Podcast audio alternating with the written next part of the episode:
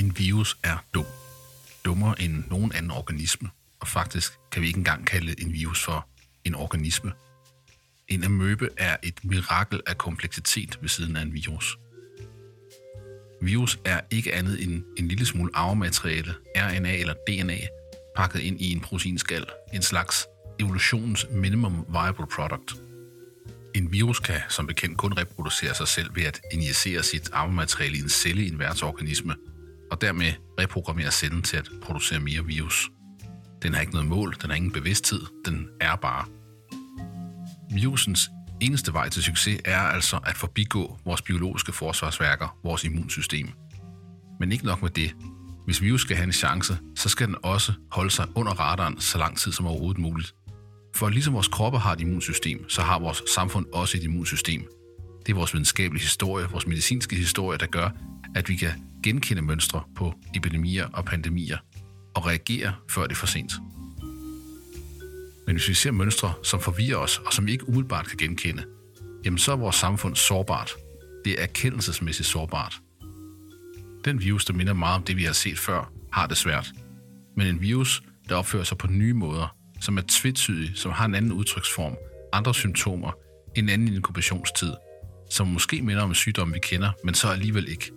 Den har en chance for at spredes i vores samfund, før vi får den på radaren.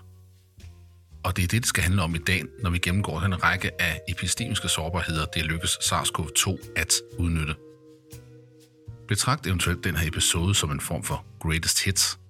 Et opsamlingsalbum over blinde vinkler, som vi synes har pladet den måde, vi har styret pandemien på i Danmark.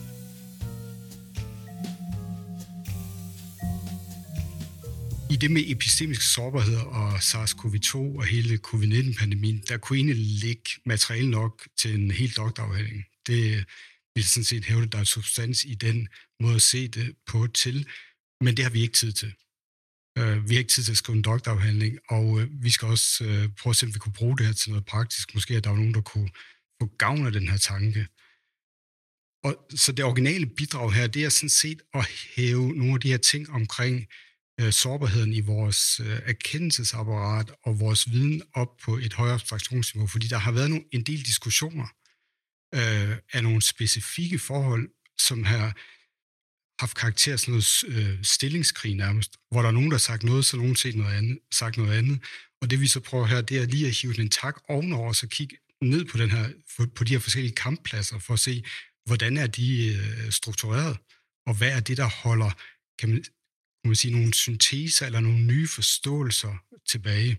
Så det, der siger, det, det er der, det, det originale bidrag, det, det nok består i. Og så er det også om at bruge en øh, skalpel her, for at, bruge inden, øh, for at blive inden for sådan nogle, en medicinsk, øh, kirurgisk metafor. Fordi det handler ikke om at sige, at alt i biomedicin er forkert. Det er jo nogen, der gør. Det, er jo, det vil være en, en ret øh, fjollet position, vil jeg mene. Nej, det handler om at sige, at der er nogle helt specifikke sårbarheder her. Og det er de der meget specifikke sårbarheder, som SARS-CoV-2-virus den har formået at udnytte, og hvor vi sådan samlet set ser ud til, i hvert fald ikke i, i den vestlige verden, har kunne få rettet op på de her øh, sårbarheder og få fjernet de her blinde øh, vinkler. Og derfor så, øh, for at tage fat i en pointe, vi har nævnt tidligere, så er det som om, at, at virus den evolverede til at udnytte også de her epistemiske sårbarheder, sårbarhederne i vores øh, videnskabelige apparat, i vores erkendelsesapparat. For ellers så vil ikke komme så langt. Øh, og måske ikke kun i erkendelsesapparatet, men også i vekselvirkning mellem erkendelsesapparatet og så hvordan vi handler på den viden, vi har. Fordi det er også noget, der har vist sig ekstremt vigtigt her. Hvordan kan vi komme fra en erkendelse eller en indsigt til, at vi faktisk bruger det? Fordi virus, den stopper altså ikke ligesom op og venter på, at vi får gennemført bestemte slags studier eller bestemte slags overvejelser, den kører 24 timer i døgnet derude af. Og det har jo kæmpe konsekvenser, både menneskeligt og økonomisk. Og det er jo de konsekvenser, der gør, at vi synes, at den her diskussion er vigtig, fordi hvorfor sidde og være højpandet omkring systemerne øh, og, og øh, epistemiske sårbarheder? Øh, hvorfor er det overhovedet en vigtig diskussion? Øh, jeg kan jeg ikke lade være med at diskutere lidt på, med folk på Twitter. Det kan du jo også godt finde på. Og, og en udbredt holdning er, øh, synes jeg, øh, eller det er en holdning, jeg støder på gentagende gange Fordi vi er blevet trætte af det her cirkus. Vi er blevet trætte af restriktionen. Det koster på pengepunkten. Det koster på livsglæden.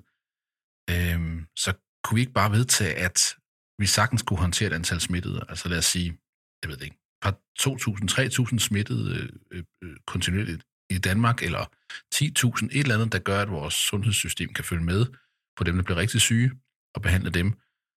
Øhm, og så kan vi ligesom lade virusen stille og roligt køre igennem befolkningen, og vi kan forhåbentlig få noget immunitet ud af det. Øhm, vi må leve med, at nogle få dør, men PC er dødeligheden ikke super voldsom. Er det ikke, kunne det ikke være okay at, og, øh, ligesom bare gøre nok til, at det ikke stikker helt af? Det kunne man forledes til at tro. Der er jo så i midlertid nogle øh, ting på spil her, som gør det temmelig svært, for ikke at sige umuligt. Og, øh, og det er jo noget af det, vi vil tage under behandling her, som vi også har været inde på tidligere. Og det er jo, at øh, hvis det skulle lade sig gøre det her, så skulle man kunne holde øh, reproduktionstallet, det der hedder R, det som i Danmark er blevet kaldt først smittetrykket, og så blev omdøbt til kontakttallet. Det skal man kunne holde på, på et cirka. Øh, fordi så hvis vi har 1000 smittede, så smitter de en hver, og så har vi øh, 1000 nye smittede, og så smitter de en hver, og så er der nogle af dem, der dør, og så er der de fleste af dem, der bliver raske, og så er der så også nogle, der får nogle senfølger osv., men så, så kan man holde den i sådan en, en stabil øh, tilstand og en syning.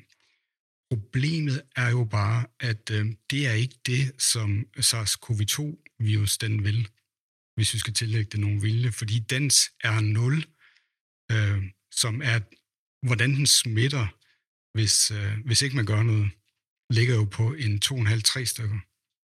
Så den, den vil hele tiden prøve at finde hullerne i det, vi gør, for at kunne komme op og accelerere og få sendt smitten afsted. Og i hele vores komplekse samfund er der jo en masse forsinkelser øh, i vores respons, der er forsinkelser i, hvordan vi ved ting, i hvad vi ved om, hvad den reelle smitte er. Så derfor så ud fra sådan nogle øh, systemdynamiske betragtninger også, så det med at kunne holde smitten bare på en, det er øh, stort set umuligt. Så det du siger, det er, at hvis vi, hvis vi vedtager, at x tusind smittede er okay, det kan vi håndtere. Når vi så har ladt smitten sprede sig de her x tusind mennesker, nu, nu antager vi, at vi har styr på vores test, vi ved præcis, hvor mange smittede der er. Det, sådan forholder det sig jo ikke. Men lad os nu sige det. Så vi sætter et tal over, hvor mange smittede vi vil have. Vi lader smitten stige til det niveau. Og hvad så? Så skal vi jo indføre de samme restriktioner, som vi gør nu, for at holde smitten på en R0 det vil sige, hvis vi skal have en, en slow burning, jævn smitte, så vil det jo stadigvæk kræve en dæmpning, det vil stadigvæk kræve restriktioner. Og så er det, jeg spørger mig selv, hvis vi mener, vi kan styre x antal tusind kontinuerligt smittet eller simultant smittet i Danmark, hvorfor kan vi ikke bare sætte det tal til, lad os bare sige 0? Jeg kunne næsten forestille mig, at restriktionerne ved at holde en smitte på 0 vil være mindre. Det kan være, den popper op en gang imellem, så vi basker ned igen, ikke? Sådan whack-a-mole-systemet. Men hvis vi har 10.000 smittede, så vil det alt andet, lige kræve, alt andet lige kræve meget større kontrol for at holde smitten på en R0 fordi der er trods alt så flere mennesker, der kan smitte. Så jeg forstår ikke argumentet om at sige, kan vi ikke bare finde en stabil mængde smittede? Det kan ikke lade sig gøre, simpelthen. Det er en, en, en falsk, øh, det er en falsk idé. Ja, øh, der er, som du siger, jamen, hvis vi er villige til at acceptere omkostningerne ved at holde smitten på lad os sige, de tusinder øh, hele tiden, jamen så burde vi også være villige til at acceptere omkostningerne ved at holde den på nul. Og over tid øh, vil omkostningen ved at holde den på nul være lavere. Øh, så så det, er, det er lidt en mærkelig strategi, der er blevet valgt her, og vi diskuterede også det i herfra, hvor vi står i episoden, det med, øh, hvad er det egentlig for en strategi, der er i Danmark, og var det smartere at vælge øh, for eksempel den New Zealandske elimineringsstrategi, eller den vietnamesiske elimineringsstrategi eller en taiwanesiske elimineringsstrategi, som netop lader den sige, det er nul-tolerance. Og det eneste rigtige tal, det er nul. Øhm, og der er så den gode metafor med brandbekæmpelse også, hvor at, altså, det er meget lettere at, at, at holde branden væk fra, fra et helt område, øh, hvis, øh, hvis man kun skal udkæmpe den i et hus ad gangen, i stedet for at lade noget sådan, øh, stå og ulme rundt omkring. Men øh, lad os øh, gå i gang for alvor med en vinkel, som har været meget tydelig her på det sidste, synes vi. At øh, det har været svært for myndighederne øh, og andre, men desværre vores, øh, vores sundhedsmyndigheder, at indrømme, at den her virus, SARS-CoV-2, den smitter via luften. Ja, og det er jo også noget, vi har taget fat i vores episode 6 i pandemiens tog 3, som vi kaldte uh, smittens uansagelige veje. Og det var der, hvor jeg først opdagede noget, som lugtede af sådan epistemisk sårbarhed. Øh, på det tidspunkt har jeg ikke formuleret det begreb om epistemisk sårbarhed, men i starten af marts var der jo en artikel i Wired, og der var også et podcast, som hedder Epidemic, hvor de tog fat i det med, at øh, det virker som om, at man inden for epidemiologien og inden for biomedicin har fået skabt sig en falsk dikotomi mellem øh, dråber og aerosolsmitte, hvor den underliggende fysik i de her fænomener tilsiger, at det er langt mere et spektrum. At når man, øh, når man taler, når man hoster, øh, når man synger, øh, når man bare ånder ind og ud, så øh, danner man partikler i en lang række forskellige størrelser.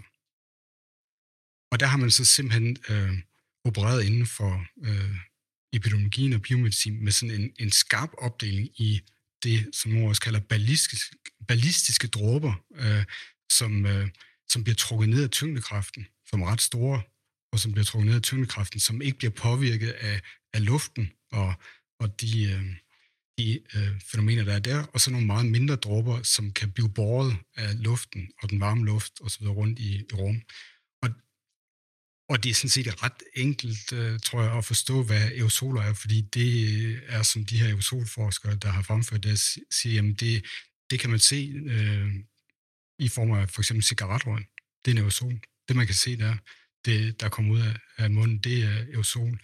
Øh, hvis man øh, har solen, der falder ind af et vindue, og man kan se de her øh, støv, der bliver hængende i luften, så er det aerosoler. Så enkelt er det. Øh, så, så der er sådan set ikke øh, så meget ukendt i det. Det, øh, som så de her solforskere, de har prøvet på øh, jo et halvt år, det er jo øh, med, kan man sige, øh, kraftigere og kraftigere virkemidler, har de jo så prøvet at få især også WHO til at øh, vedgå, at der er en luftborgen komponent i SARS-CoV-2-smitten. Og det har jo vist sig at være ekstremt svært at få det budskab øh, til at trænge igennem.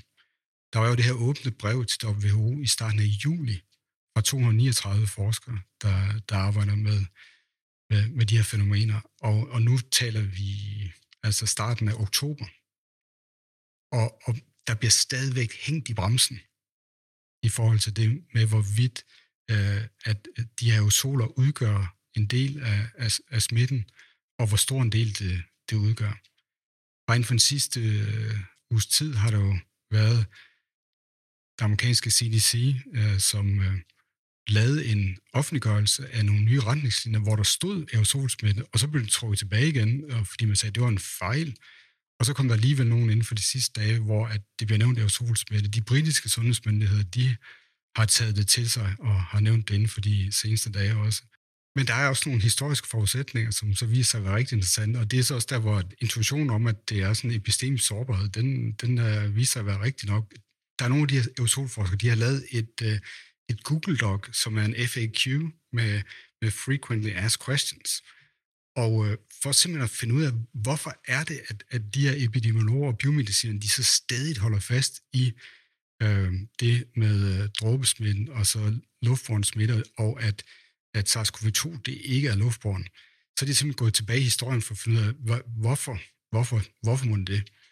Og det viser sig, at, øh, at der i 1910 blev udgivet en meget indflydelsesrig bog af en øh, uh, Dr. Charles uh, Chapin, og den hed The Sources and Modes of Infection.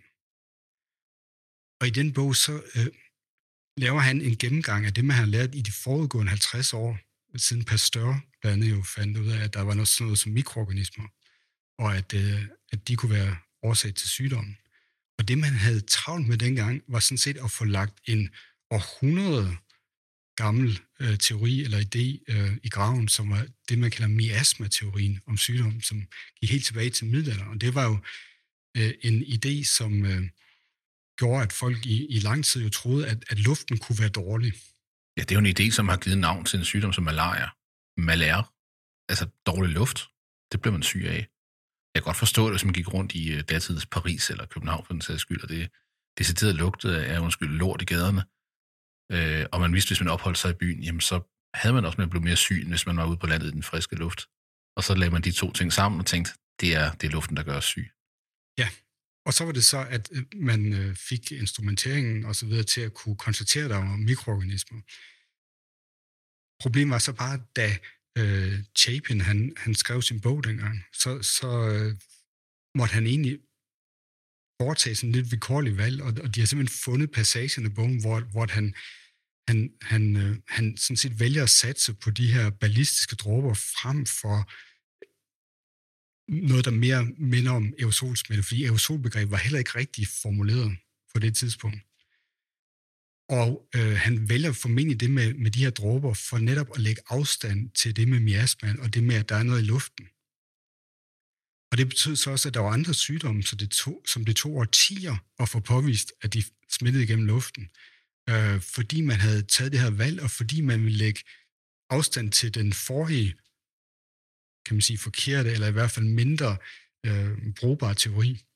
Og, og der var blandt andet nogle amerikanske forskere, der i 1950'erne så lavede et, et virkelig godt udtænkt forsøg omkring tuberkulose.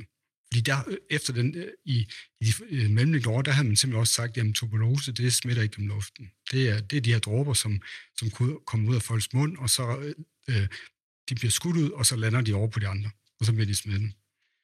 Øh, og der var simpelthen en, en forsker, der hans gruppe, de, de øh, satte sådan et, et særligt ventilationssystem op på et hospital, hvor der var, øh, hvor der var tuberkulosepatienter. Og øh, så puttede de hamster ind i nogle buer, og så holdt de øje med, øh, hvor smittede hamsterne de blev af tuberkulose, også i forhold til, hvor mange patienter, der var indlagt med tuberkulose. Og de havde sådan en kontrolgruppe af hamster, der ikke blev udsat for det der ventilationsstof på hospitalet. Og så, øh, kan man sige, så måtte øh, professionen sådan set krybe til korset og, og vedgå, at, øh, at tuberkulose havde luft, det, var, det var luftbåren smitte. Men det var så i 1950'erne, der, der havde jo været tuberkulose i gang i, kan man sige, rigtig mange år. Så, så der, der er simpelthen blevet indbygget en, en bias, en, øh, en skævvridning af forståelsen inden for, inden for biomedicin, af det med luftbåren smitte. Og, og det man så har fået gjort, det er, at man har fået i virkeligheden set ud til slået to dimensioner sammen til en. Og, og, og de to dimensioner, det er, hvordan smitten smitter, om, i, om den er luftbåren, om det er dråber eller det er aerosoler, og så hvor smitsom den her sygdom er. Og det er sådan noget, som øh, direktøren for øh, Sundhedsstyrelsen, Bostom, han så sent som i søndags i et interview i øh, politikken, simpelthen demonstrerer, at øh, det gør man også i den danske sundhedsstyrelse, fordi han argumenterer for, at de ikke vil bruge ordet aerosoler om SARS-CoV-2, fordi den jo ikke smitter ligesom mæslinger, som jo helt klart er meget mere smitsom end SARS-CoV-2. Og det er det, som de her aerosolforskere, de har udpeget, jamen, det er, det er to forskellige dimensioner. Hvor smitsom den er, altså R-tallet, og så hvorvidt den smitter gennem luften, de er ikke øh, nødvendigvis koblet sammen på den måde, som man har fået gjort det til. Så det er sådan set et, øh, ikke et gyldigt argument, men det er så et, der så stadigvæk bliver brugt øh, om, øh, om smitten, og som argument mod, at der ikke skulle være en luftbåren øh, komponent i SARS-CoV-2-smitten.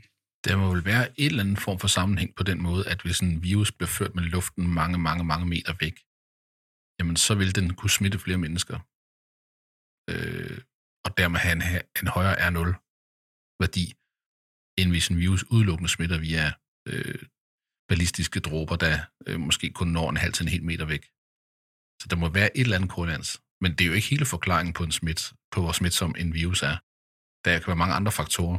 Ja, der er også det her inokulum, altså hvor, hvor mange viruspartikler skal der til, før man bliver smittet. Mm. Og der lader trods alt til, at der skal en del flere til med SARS-CoV-2, end der skal med for eksempel mæslinger.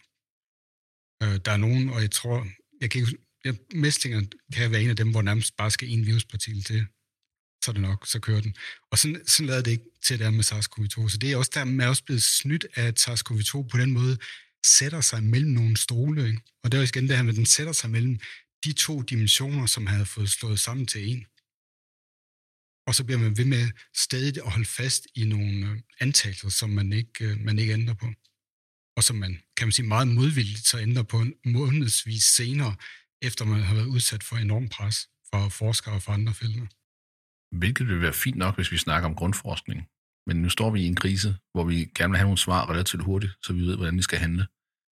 Øh, og det her med at have nogle baselines, nogle målestokke, for eksempel mæslinger, og sige, jamen den, den er ikke som mæslinger, eller den er som mæslinger på nogle punkter, og ikke på andre. Den målestok, vi har brugt rigtig meget, ikke mindst blandt os lægfolk, det er jo influenzaen. Fordi influenza er noget, vi alle kan forholde os til. Så både øh, mediciner bruger influenzaen til at sige, typisk, jamen covid-19 er ikke som en influenza. Politikerne siger, nogle af dem siger, det er jo bare en, en form for influenza. Og, og, og danskere øh, har nu lært, at det ikke er en virustype som influenza, men det er jo bare sådan cirka dødelighed og så videre influenza, og hvorfor behandler man det ikke bare som influenza? Øhm, vi, vi vil jo gerne gribe i de der målestokke, vi har, fordi hvordan skal vi ellers placere den her øh, nye ting ind i vores verdensbillede? Ja, målestokke eller referenceklasser, eller som vi kunne kalde det her i øh, mm. som en epistemisk sårbarhed, at man har valgt influenza som nulhypotesen, og hvorvidt det har været et frygteligt øh, bevidst valg inden for epidemiologien og inden for øh, sundhedsvidenskab, det, det skal nok også undersøges. Det kunne man undersøge sådan en, en doktorafhandling. Men, men det er jo det, øh, som er sket, og det, det, der så er sket, det er jo, at det har set ud som, at virkeligheden skulle have bevise over for øh, de her folk, at, øh, at den er anderledes end nulhypotesen, som er influenza. Men det er SARS-CoV-2 også fuldstændig ligeglad med. Altså på de områder, hvor at, at influenza har vist sig at være en utilstrækkelig nulhypotese, øh, og der ikke har kunne fremskaffes evidens, kan man sige, fordi der er jo tale om noget nyt, jamen så har det jo så bare udnyttet det, at, øh, at der er blevet siddet på hænderne, fordi man har haft en antagelse. Og det har, det har, kan man sige, det har vi også hørt øh, nogle epidemiologer, især nogle udlandske, øh, simpelthen øh, vedgå, at man havde man sad og ventede sådan set på en øh, influenza-pandemi. Så, øh, så covid-19 kom simpelthen ud af en blind vinkel der. Man, man så ventede på noget, der havde influenza-egenskaber. Der var ingen rigtig, der havde troet på, at der var noget med SARS-egenskaber, som, øh, som ville kunne øh, sprede sig på den måde over hele kloden. Og det har jo så haft, øh, haft store konsekvenser. Og det har så også den konsekvens jo, at man har tænkt i udkommerne også, i den her lidt binære måde at se det på, som der er ved influenza. Altså, hvis man får influenza igennem, så bliver man, øh, det kan godt være, man bliver syg og ligger i sengen og sådan noget, men så bliver man rask. Og så er det det. Og så er der Eller man dør. Nemlig, den anden del af, af den binære fordeling, stort set. Og det har jo også vist sig, at det var en, det var en forkert antagelse. Fordi dødeligheden er jo ikke, øh, ikke nok. Men dødeligheden er en KPI, som bliver trukket frem. Altså i, i, igen i lægfolk-diskussioner, hvor man jo diskuterer øh, covid-19 ud fra et eller andet standpunkt om, altså vi er alle virkelig, virkelig trætte af at leve i den her, forhåbentlig bliver det ikke new normal, men i, i den her undtagelsestilstand. Øhm, og, og, og, og, og så griber vi efter forskellige argumenter. Øh, typisk et argument ad gangen. Det vil sige, at vi for eksempel siger, at det er bare som influenza. Så siger vi, nej, men det er det ikke. Det er markant andet virus, der opfører sig markant anderledes end H1N1 for eksempel, som jo er den gamle pandemiske influenza fra, fra 1918. Øhm, og så går man efter, så siger vi, okay, så går vi efter et andet argument, fordi vi vil gerne holde det simpelt. Og så siger man for eksempel dødelighed. Jamen dødeligheden er ikke særlig høj. Det er, hvis kynikere vil sige, det er jo bare i citationstegn de gamle, der dør. Det er også folk med sukkersyge, der dør. Det er folk i risikogrupper. Øhm, og jeg forstår ikke, at det er et argument, men, men, men det er det for nogen. Men dødeligheden er, på den måde vi håndterer virusen i Danmark, ikke særlig høj. Det er rigtigt. Men dødeligheden er bare en ud af mange kopier. Og der er en anden kopi, en anden målefaktor på, øh, på covid-19, og det er jo senfølgerne. Det faktum, at som du siger, det er ikke sådan, at man kommer ud af en influenza, så er man, så er man rask, eller nogle få desværre er døde, men man kommer ud og med, med et markant forringet helbred. Desværre i større stil, end vi først troede. Ja, og der kunne man spørge, og jeg har undret mig ikke, hvorfor, når der nu var en, en coronavirus på spil her, øh, som man til med kalder SARS-CoV-2, hvorfor tog man så ikke mere udgangspunkt i den viden, der allerede var akkumuleret om SARS?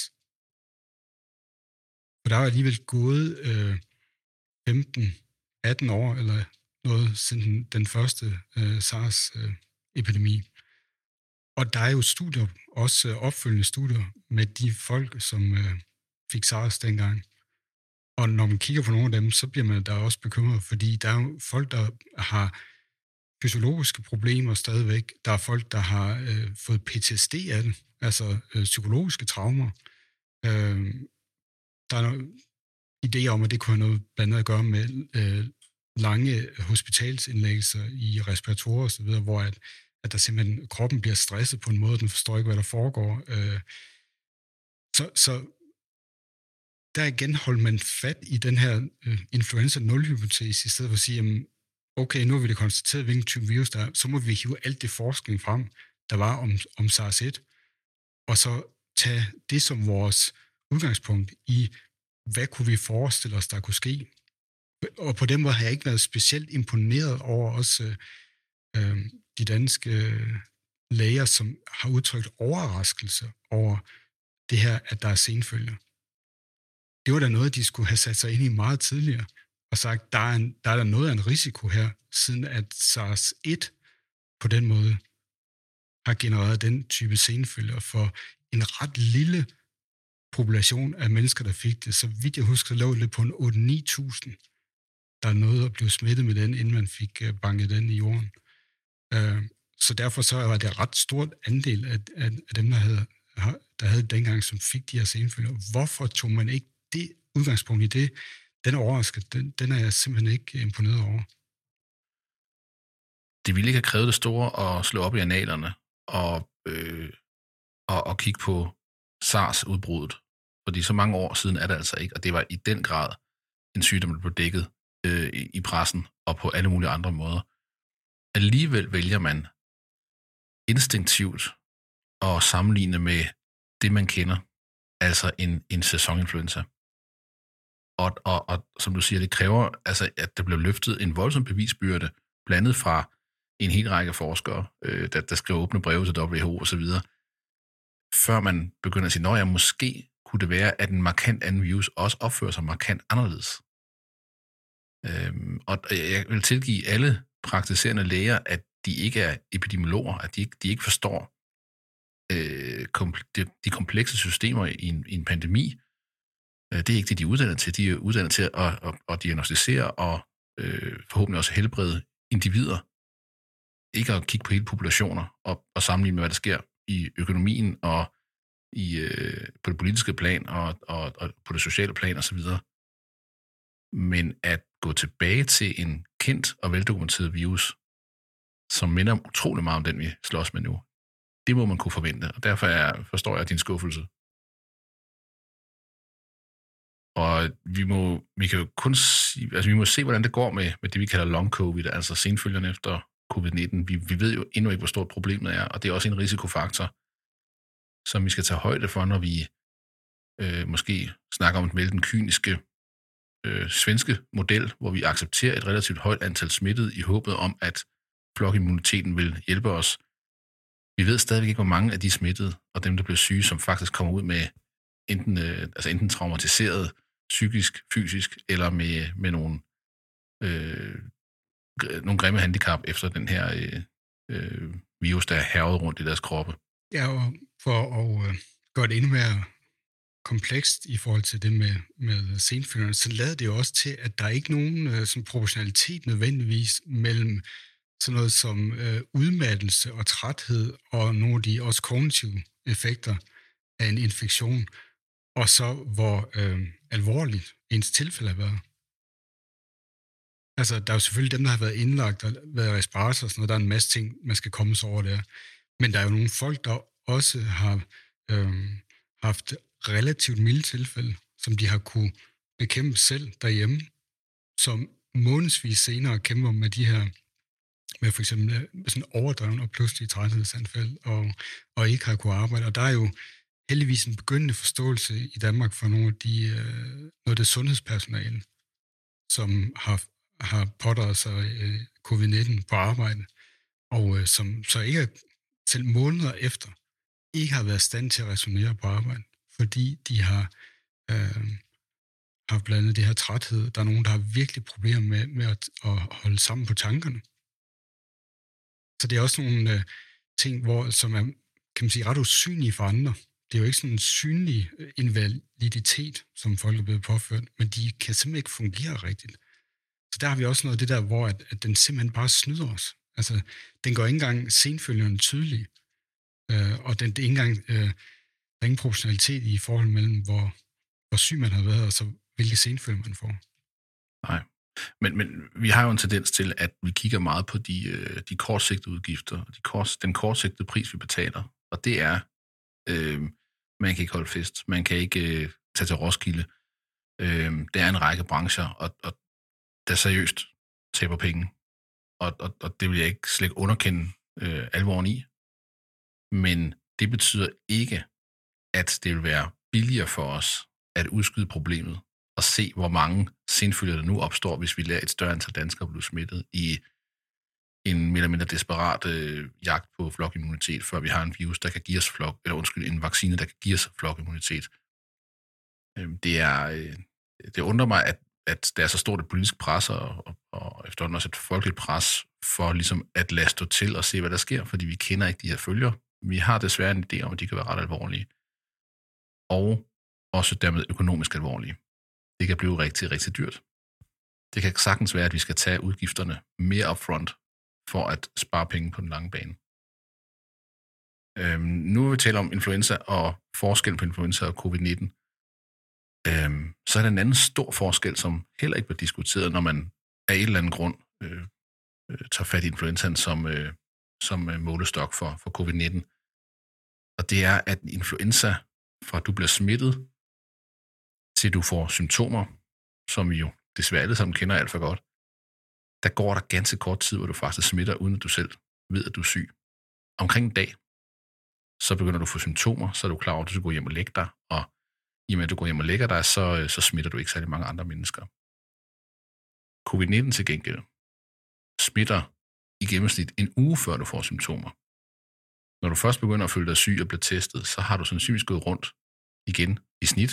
Der er plus og der er minus, men du har gået rundt og spredt øh, virus i, i en uges tid. Og det giver jo en helt, helt anden øh, effekt på en population.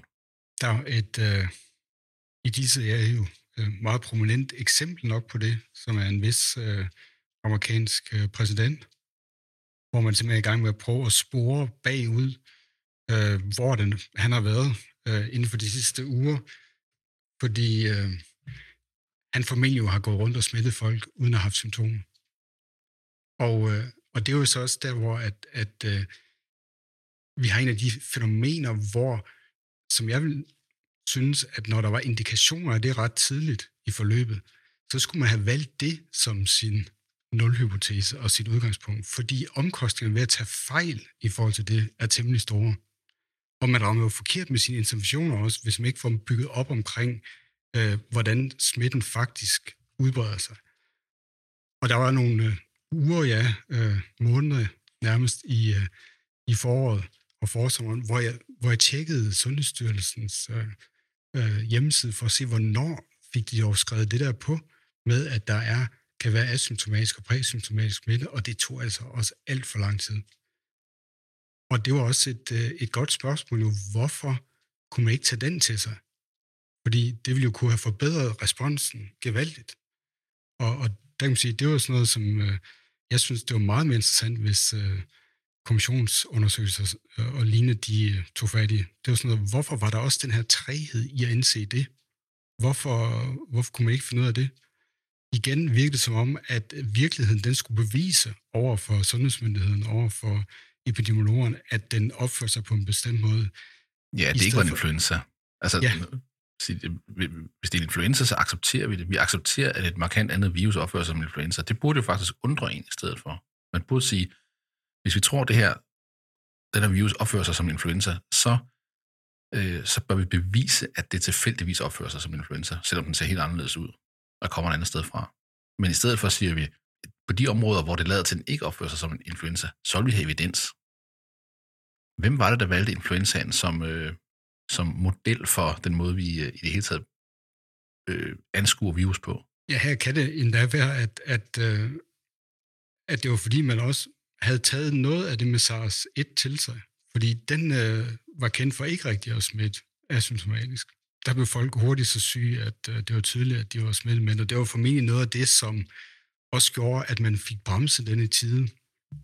Øh, verden var jo også ret øh, sammenkoblet på det tidspunkt i form af international lufttrafik. Men, men igen var det en af de her ting, hvor at, øh, man kunne sådan set have en liste, hvor man sagde, okay, vi har nogle antagelser her, eller nogle forhold ved sådan en virus. Og et af de helt essentielle forhold i forhold til, hvordan den udbreder sig, hvilke øh, interventioner vi skal værksætte, det må jo være, om folk kan smitte, uden de selv ved, de er smittet. Det vil jeg da i hvert fald sætte på sådan en liste. Og så vil jeg sætte ret meget ind på at afdække, om det er tilfældet. Jeg vil ikke bare fastholde, at det mener vi ikke, den er. Og, og det er derfor, at, at vi kan sige, at det, der var simpelthen træhed i også at indse det her. Og det er igen den her træhed, der vender tilbage. Hvorfor har der været den her træhed i at få ændret på sine antagelser og ændret på sin uh, forståelse? Det er i hvert fald en træhed, som nok også har bidraget til et emne, som vi talte om i, uh, i episode 4 af vores podcast, det vi kalder i pandemiens tog 2. Uh, øh, det, det er superspredningsevents eller superspredningsbegivenheder. Uh, begivenheder, hvor, hvor man kan sige, virus så vælger ikke at overholde den R0-værdi, vi nu har sat på den. Øh, et af de, de i avisen bragte og, og kendte øh, tilfælde var et, øh, et øh, tandlægepar, der fejrede en 40-års fødselsdag i Roskilde. Øh, og øh, tandlæger ved meget om, om øh, øh, smittespredning og hvordan man undgår det, og øh, et, et veluddannet folkefærd. Og de overholdt alle retningslinjer. Gæsterne kunne føle sig trygge, der blev spritet af, der blev gjort rent, der var afstand, der var det hele. Ud af 68 gæster blev 45 gæster øh, konstateret smittet. Altså et, en lokal R0-værdi, der stak helt af. Hvad, hvad sker der der? Og hvordan påvirker det vores øh, forståelse af, hvad, hvad covid-19 eller SARS-CoV-2 egentlig er? Der var endda flere interessante detaljer i den, hvis vi skal tage dem først. Det var jo, at der var kun én person, der var smittet, ja. øh, der mødte frem til festen. Det vil sige, at den lokale er, den er jo så, den er så 45 Mm. Og så kan man sige, at det er da i hvert fald højere end Mestlingers gennemsnit. Um, og så var det også det, at uh, de første, der fandt ud af, at de var blevet smittet, det var læger. Så vi har simpelthen folk, der, der er uddannet inden for det her, og folk, der arbejder inden for det system, som er med til sådan en, øh, en begivenhed. Og, øh, og der vil jeg så sige, at det, det her par havde, ud fra hvad de fortæller, og det virker som om, at, at man kan stole på dem, så havde de gjort det, man skulle. Og hvorfor sker det her så? Og det er jo som siger, der, der er et eller andet i forståelsen af, af fænomenet her, som halter. Og, øh, og superspredningen, den bliver gjort endnu mere øh, svær at håndtere og forstå, fordi der også er det, der hedder overdispersion. Det der overdispersion, det handler om, at SARS-CoV-2, øh, den måde, den, dens ærtal sådan set kan antage ret mange forskellige værdier alt efter situationen. Hvor influenza igen, nulhypotesen, jamen den ligger sådan og roder omkring 1,3-1,4. Det gør den sådan set hele tiden, og det er nok også derfor, vi ser sådan influenza øh, sæsonen, jamen, der er sådan nogen, der bliver sådan syge jævnt hele tiden, og der er en eller anden mere jævn belastning på, på sygehusvæsenet også. Men, men, men øh, med den her overdispersion for, for, for SARS-CoV-2, det betyder, at der i mange tilfælde, så smitter dem, der er syge, overhovedet ikke. Selvom der er, øh, der både kan være aerosolsmitte, og der kan være asymptomatisk smitte, så er det sådan, at det ser ud til en 10-20 procent af de smittede smitter 80 procent af dem, der bliver smittet. Så der er sådan en enorm skævvridning. Sådan at hvis omstændighederne er til stede, der er en, en smitte, der er lige præcis på det rigtige progression, sted i progressionen af den asymptomatiske smitte.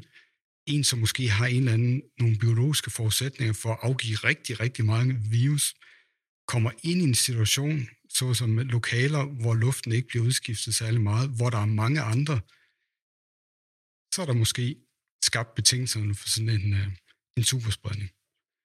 Og så kan der være mange andre øh, smittede, som kommer ind i andre situationer, øh, hvor det så ikke sker.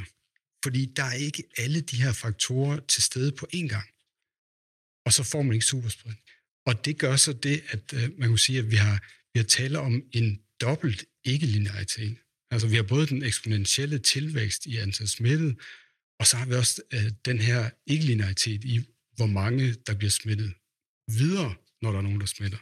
Den her kæmpe store spredning. Øh, så det gør det jo endnu sværere at forstå, og endnu sværere at se proportionaliteten mellem vores øh, interventioner og så øh, de udkommer, vi får.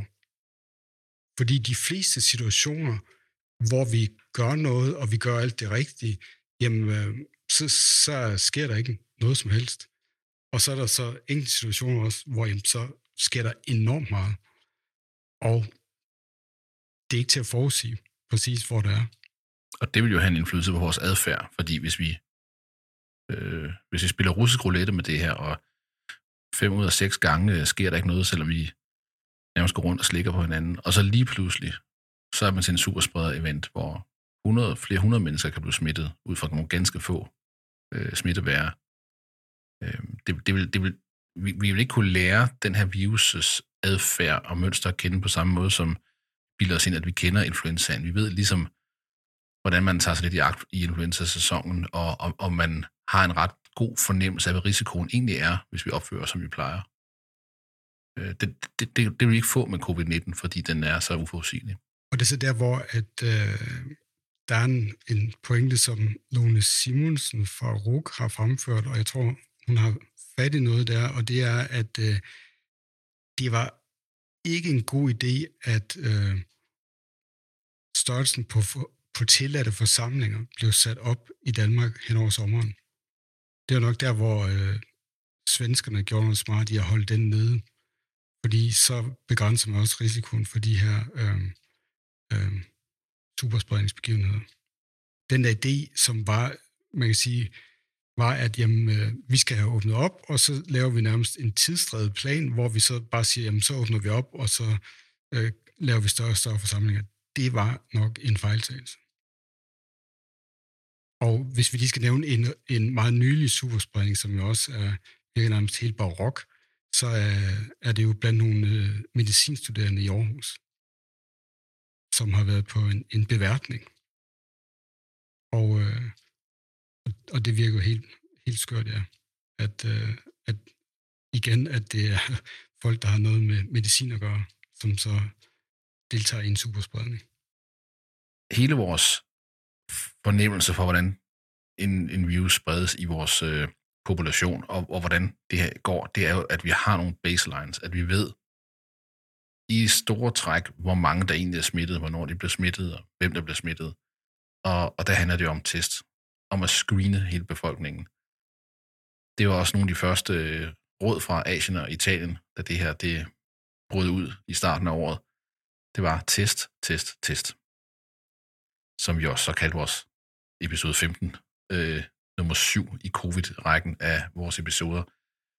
Øhm, test er pivdyr, De PCR-test, vi bruger, er pivdyr, Og der har været en øh, mærkelig diskurs faktisk her på det sidste, hvor, øhm, hvor, hvor flere pundits ligesom tager det standpunkt, fordi e, noget, noget skal der jo stå i dagens klumme, ikke? At, øh, at nu tester vi for meget, at danskerne er nogle pivskider og øh, render til test i tid og utid, selvom de ikke er syge. Det er jo, altså, jeg vil ikke bruge grimme ord, men jeg synes, det, det er jo dumt, når vi har med en virus at gøre, som, som smitter asymptomatisk og præsymptomatisk. Det der med, at der skal være en grund til at blive testet, øh, giver jo simpelthen ikke mening, hvis vi har brug for at screene for, for at finde ud af, hvor smitten egentlig opstår, og for at kunne få slået smitten ned, før at, at øh, den kommer for langt.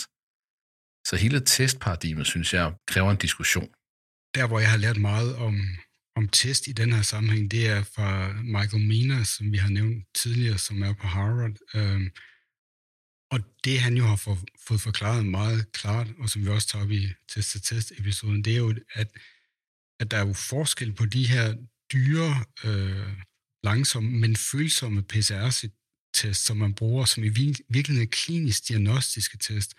Og det han øh, forklarer der med det klinisk diagnostiske, det er jo det, hvad skal man bruge som læge, hvis man står med en enkelt patient, og vi skal fastslå, hvorvidt den her patient er smittet eller ej, og hvilken behandling vi skal iværksætte.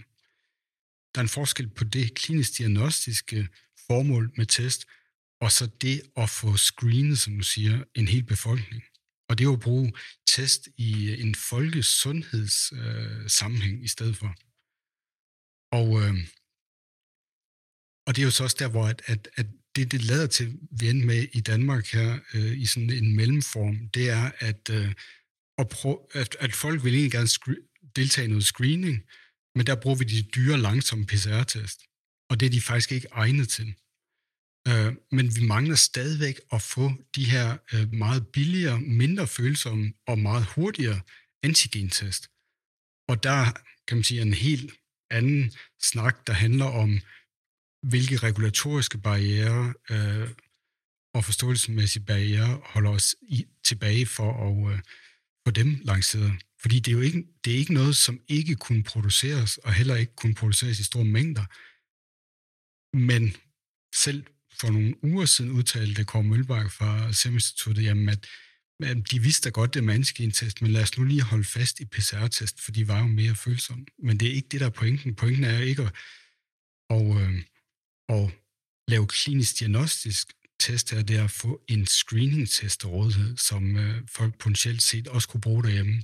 Og der taler vi altså om anden, en anden følsomhed, og vi skal have et andet prispunkt, og vi skal have en helt anden øh, gennemløbstid på de her test. Og der taler vi altså ikke dage, der taler vi øh, 10-15 minutter. Hvis vi skal op i en øh, testfrekvens, der faktisk giver mening for at kunne spore smitten i god tid, så har vi simpelthen ikke penge nok til at køre PCR-test. De er alt for dyre. Altså, vi, vi skal jo op i at kunne teste, øh, jeg vil skal sige, minimum er, at vi kan teste alle danskere en gang om ugen. Men til en PCR-test til, til, til omkring 1000 kroner, inklusiv øh, processering, det er det simpelthen ikke muligt, og det vil, det vil tage for lang tid at processere den. Rapid testing eller øh, antigen-test øh, øh, er langt billigere at producere og vil kunne fordeles med rund hånd. Øh, og ja, de er mindre følsomme, øh, men det kan øh, flere test i, i serie jo så gøre op for, og så kan man bruge PCR-testen til at endelig at stille en, en, øh, en diagnose øh, hos, hos lægen, hvis det er det, vi vil. Øh, og, og, og det er øh, det der med, lad os bare holde fast i PCR-testen, det viser jo også, at man har ikke noget budgetansvar for, hvad det koster lige nu. Der er en regering, der er klar til at, at stange penge ud, og det er fint. Sådan skal det være i starten af en, af en epidemi, men vi skal ind i noget mere bæredygtigt på rigtig mange måder her, og ikke mindst på den økonomiske side. Et af de helt store diskussionsemner lige nu, det er maskerne. Det er som om, at man er, de fleste vil vende sig til det. Jeg har frekventeret flere restauranter, og det er jo lavet til, at de fleste har fået, måske lidt modvilligt, men fået masken på, når man skal. Øhm, men det har taget os utrolig lang tid at komme dertil. Vi så tv-billeder fra asiatiske lande, hvor maskerne er på fra dag 1. Og øh, herhjemme krævede det en større politisk diskussion. Øh, der var sågar nærmest menneskerettighedseksperter på, på øh, i debatten for, kunne man virkelig øh, tillade sig at, at tage folks personlige frihed fra dem ved at tvinge dem til at have en maske på. Øh, hvorfor har det været så fodslæbende, tror du, den her indførsel af masker?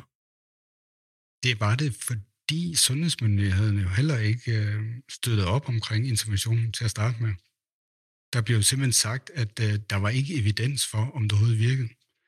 Og det virkede ret øh, spøjst, kan man mildt sige, ikke? i forhold til øh, netop det, vi så i øh, Asien. Og, øh, og der var så også nogen, der gik i gang med at i udlandet så samle sammen på på, hvad der nu var af studier, blandt andet uh, Trish Greenhalgh, som uh, er på Oxford, så, vi, så vidt jeg kan huske, og så uh, sammen med en, uh, en kunstig intelligensforsker, der hedder Jeremy Howard. Howard og, uh, og det viste sig, at der var jo der var jo studier derude. Der var bare ikke nogen studier lige med SARS-CoV-2-virus. Og, uh, og, og det var det, der virkede uh, barokt og absurd, at, at det var som at man krævede øh, fra, fra biomedicinsk epidemiologisk hold, at der skulle være studier med præcis den her øh, virus, for man kunne sige noget om, hvorvidt mundbind og masker virkede. Og det var så også der, hvor det her jo koblet sammen med hele problemet omkring øh, den luftborne smitte, og hvad der kommer ud af vores munde, og hvad det vi øh, potentielt set kan indånde. Og, og det, det, der skete så der, det var jo, at øh, biomedicin udstillede, og især det, der kalder sig evidensbaseret medicin, udstillede sin øh, metodiske øh, snæversynhed eller monokultur. Fordi inden for den, så er det blevet sådan, at den eneste måde, man kan vide noget om noget, det er, hvis man laver et øh, såkaldt øh, randomiseret kontrolleret forsøg, en RCT, RCT eller lodtrækningsforsøg. Og problemet er jo bare, at øh, det er ikke den eneste måde, man kan vide noget om virkeligheden på. Det er det bare blevet inden for den øh, epistemiske monokultur, kan vi kalde det. Og det er jo så der, hvor at, at, at man hører den her nærmest robotagtige øh, messen, at der er ingen evidens, og den hørte vi jo månedsvis. Der er sådan nogle barokke tilfælde, hvor øh, Tyre Grove Krause for eksempel var i, øh, i Deadline på DR2, og hvor de har et øh, interview med en af øh, lægerne og professorerne øh, fra Sydkorea, der står bag den sydkoreanske øh, respons, og hvordan han fortæller, at, at, øh, at de har erfaringer med, at, øh, at de mener, at mundbind og masker, det nedsætter smitten, og det hjælper som en, en, en brugbar øh, intervention. Og så siger hun bare bagefter, at det, vi mener ikke, der er særlig god evidens for det, og desuden så er der den her risiko for, at hvis folk de går med mundbind og masker, så øh, slækker de på de andre anbefalinger, som, øh, som vi har givet. Og den viser sig altså faktisk begge dele at være forkert. Jamen, der skulle da heller ikke, og undskyld, jeg banner, der er jo ikke evidens for, at man slækker på nogle andre retningslinjer, fordi man tager masken på. Det er jo, det er jo, det er jo altså jeg vil ikke engang kalde det en tese, det er jo bare en påstand. Det har så, altså, der, altså man kalder det altså moral hazard, eller sådan noget, øh, der er baseret på sådan nogle ting, som for eksempel, at øh, amerikanske øh, fodboldspillere, de, øh, de begyndte at spille hårdt, og de fik hjelm på, men, men der er heller ingen, der påstår, at, at folk generelt kører dårligere øh, i bil, fordi de har sikkerhedssel på. Det er også argument, som du har fremført tidligere. Så det var simpelthen som om, at man hæv evidens op af hatten, eller ligesom henviste til noget evidens, som ikke engang var særlig klar over, hvad var, for at, at skyde den her ned med mundbind og masker. Øh, uantastet, at der så var de her folk internationalt, som var gået i gang og havde samlet sammen på allerede eksisterende studier, der indikerede, øh, hvad det kunne bruges til. Og det, der skete også, det var, at man fik også blandet sammen det med, hvordan hjælper et mundbind den, der bærer dem, hvordan hjælper det især alle de andre også, fordi det, der jo også gælder med, med aerosolerne, det er også, at hvis vi kan holde den så tæt som muligt, og måske endda holde så mange af dem som muligt inde hos den person, som afgiver dem, jamen, så, så bliver øh, øh, belastninger, den, øh, den eksponering, man udsætter andre for, jo også meget mindre.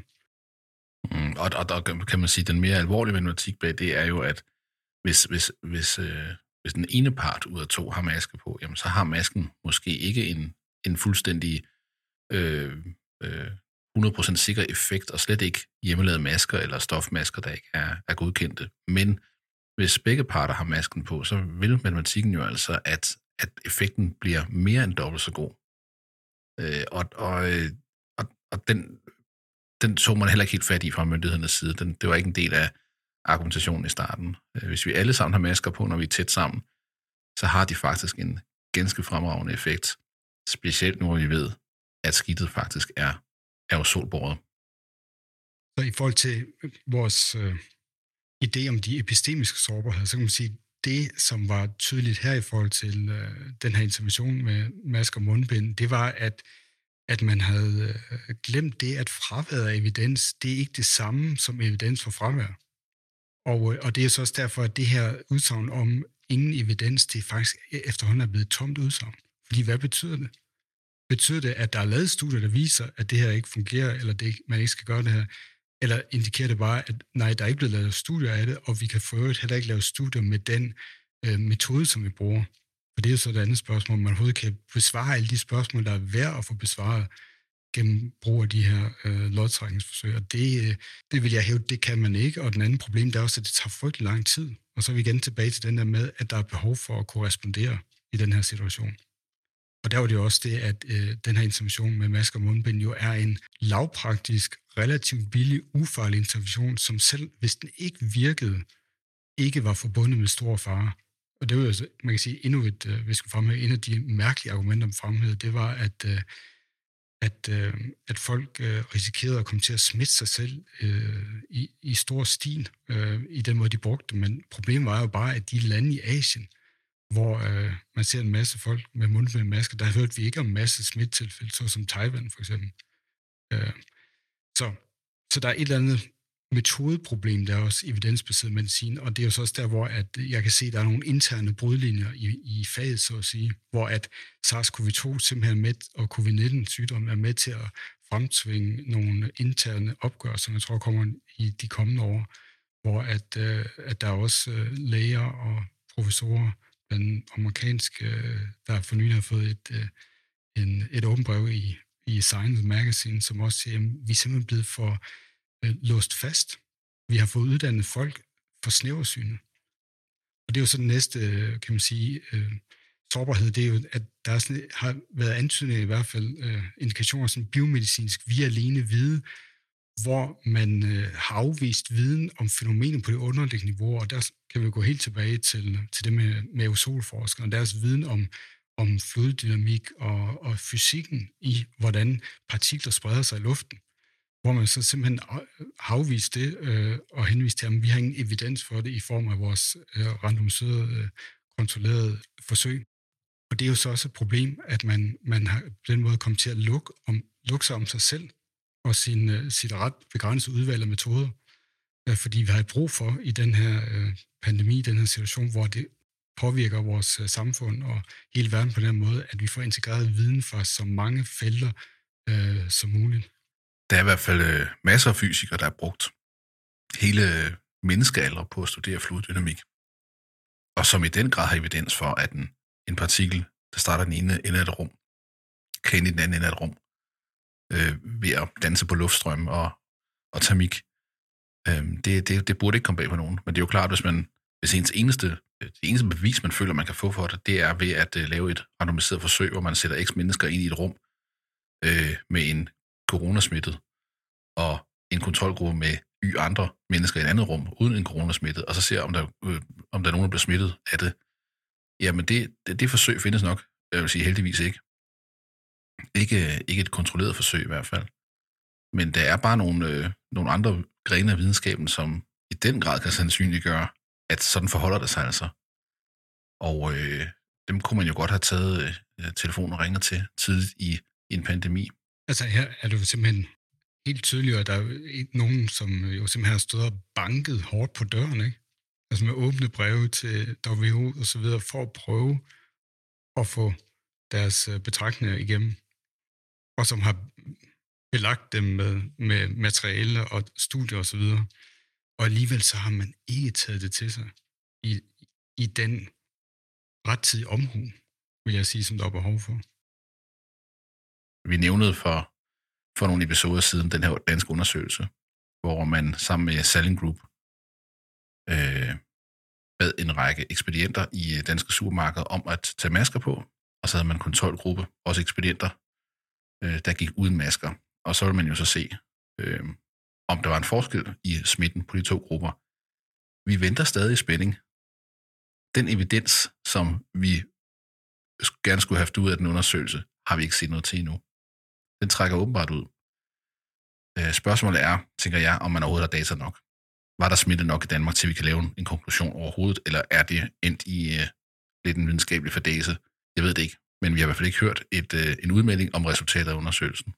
Og det, jeg synes var meget ærgerligt med det, det var jo, at den blev brugt, som jeg så det i hvert fald, til at spille det her spørgsmål om den intervention lidt til hjørne, hvor på det tidspunkt var der tilstrækkeligt med internationale studier, øh, som var blevet opsummeret til, at, at, at jeg mener, at man kunne have man kunne trykke på knappen.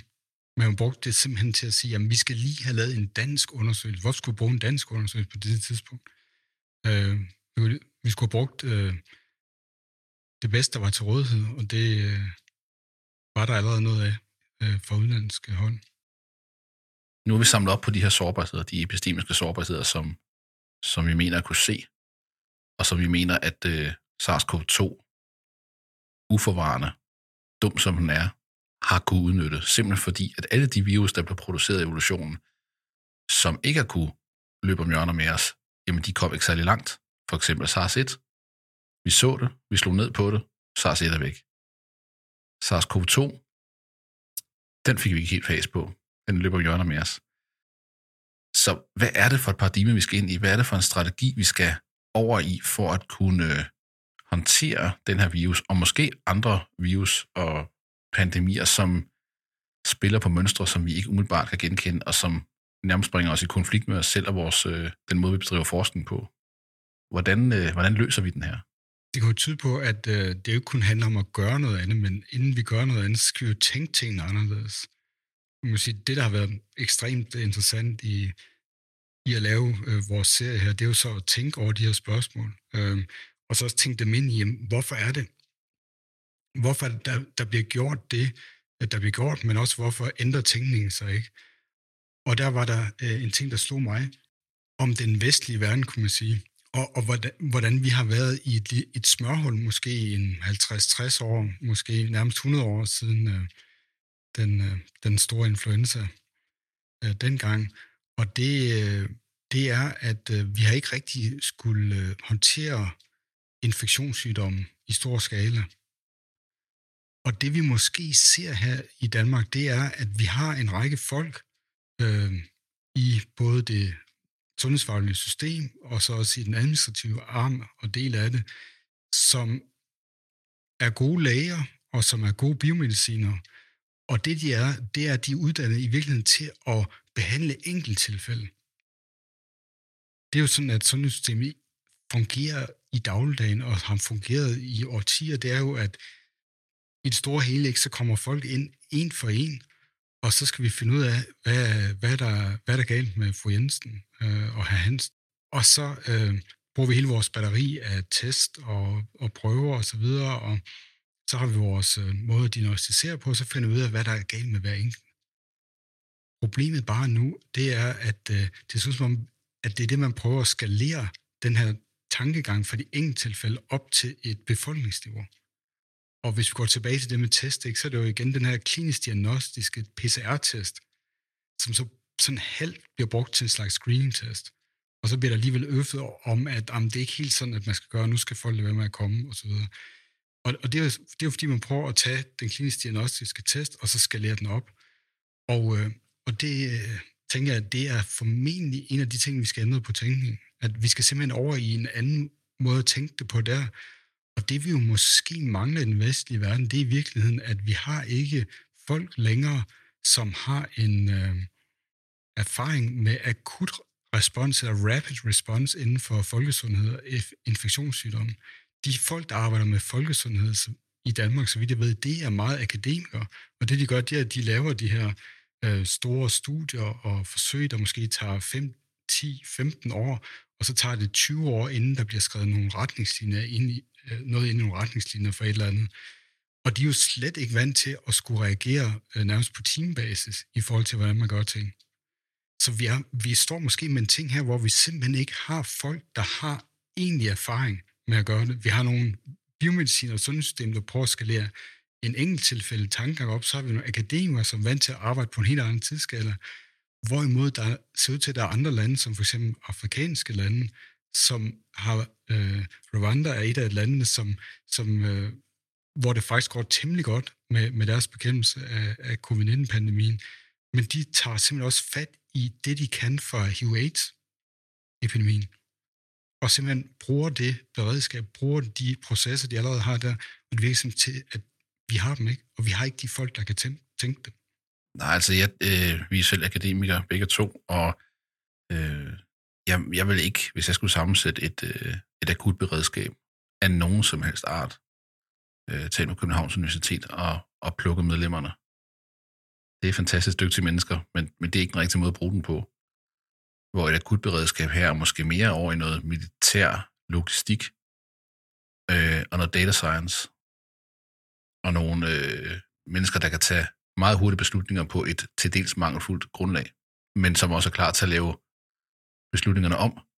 de skal ikke beslutte, hvad den store samfundsmæssige indsats skal være. Det har vi politikere til. Vi lever et demokrati. Men beredskabet skal drives på et meget mere operativt plan. Det er også noget, som øh, Mike Ryan fra WHO han har sagt øh, adskillige gange, så vi har set øh, også tidligt, at i forhold til sådan noget her, så handler det bare om at komme ud af startholderen. Øh, og ikke sidde på hænderne. Og, og det må, ser desværre ud til, det, jeg synes, vi har set det flere gange med Sundhedsstyrelsen, der skulle opdatere retningslinjer, hvor der så går dagvis, som om man ikke kan finde ud af at få formuleret dem, eller taget en beslutning. Og jeg tror, at det er simpelthen fordi, de folk, der sidder der, de vil det gode, øh, men de er simpelthen opdraget i den her øh, tradition, som nu også de amerikanske læger og, og forskere kritiserer, hvor at øh, de er ude på øh, evidensfrit øh, farvand. I det, de har fået lært, man skal have den her slags evidens, ellers må man ikke gøre noget. Men vi står i en, en situation, hvor den findes ikke, men alligevel skal der træffes øh, beslutninger. Øh, og for ellers så tager, tager virus over, og så driver den også. Og det er jo så det, vi desværre har set nogle gange efterhånden. Det, det er den ekstremt god til. Så finder den de her epistemiske sårbarheder. Og derfor kan man sige, jamen, vi, vi sidder ret kritisk nu, men øh, det vi også gerne vil, det er jo at opfordre til, at, at øh, virkelig at turde tage øh, det her refleksive skridt, kan man sige, og så løfte sig op over sine egne antagelser, og der, hvor man står, og så turde kritisere dem, for at nå frem til, til øh, en ny og bedre forståelse. Hvis, øh, hvis det var det, som, øh, som for eksempel Sundhedsstyrelsen og Serum Institut går og sagde, jamen, okay, vi har virkelig kigget på vores grundantagelser og fundet ud af, at, øh, at øh, der er noget, der skal arbejdes med, så vil jeg tage det meget mere alvorligt, end det vi hørte fra sådan Brostrøm den seneste uge til, hvor det bliver lagt ud som om, at jamen, vi vidste jo egentlig sådan godt det der med, med det solbollen. Vi vil ikke bruge de begreber for at skræmme befolkningen. Den tror jeg simpelthen ikke på. Jeg synes bare, at de skulle være ærlige og så sige, okay, det er sådan her, vi reflekterer over de her ting. Og med de ord vil vi opfordre til, at uh, man følger os på Twitter, på snablag Silberblom, at man subscriber, abonnerer på vores podcast, fordi så får man altid de friske afsnit lige til døren. Og uh, kom med kommentarer, spørgsmål, kritik på Twitter. Tak for denne gang. Vi høres ved.